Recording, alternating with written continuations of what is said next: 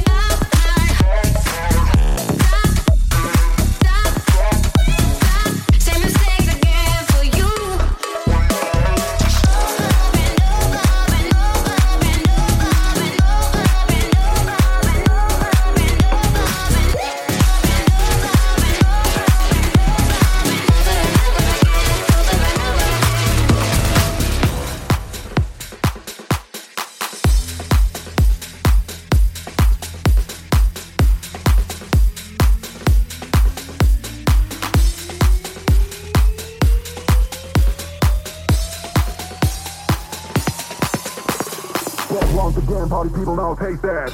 This is the 808 bass test. Everybody be a freak in the room. Now pump up the bass with the 808 boom. Back once again, party people now taste that. This is the 808 bass test. Everybody be a freak in the room. Now pump up the bass with the 808 boom. 808 boom.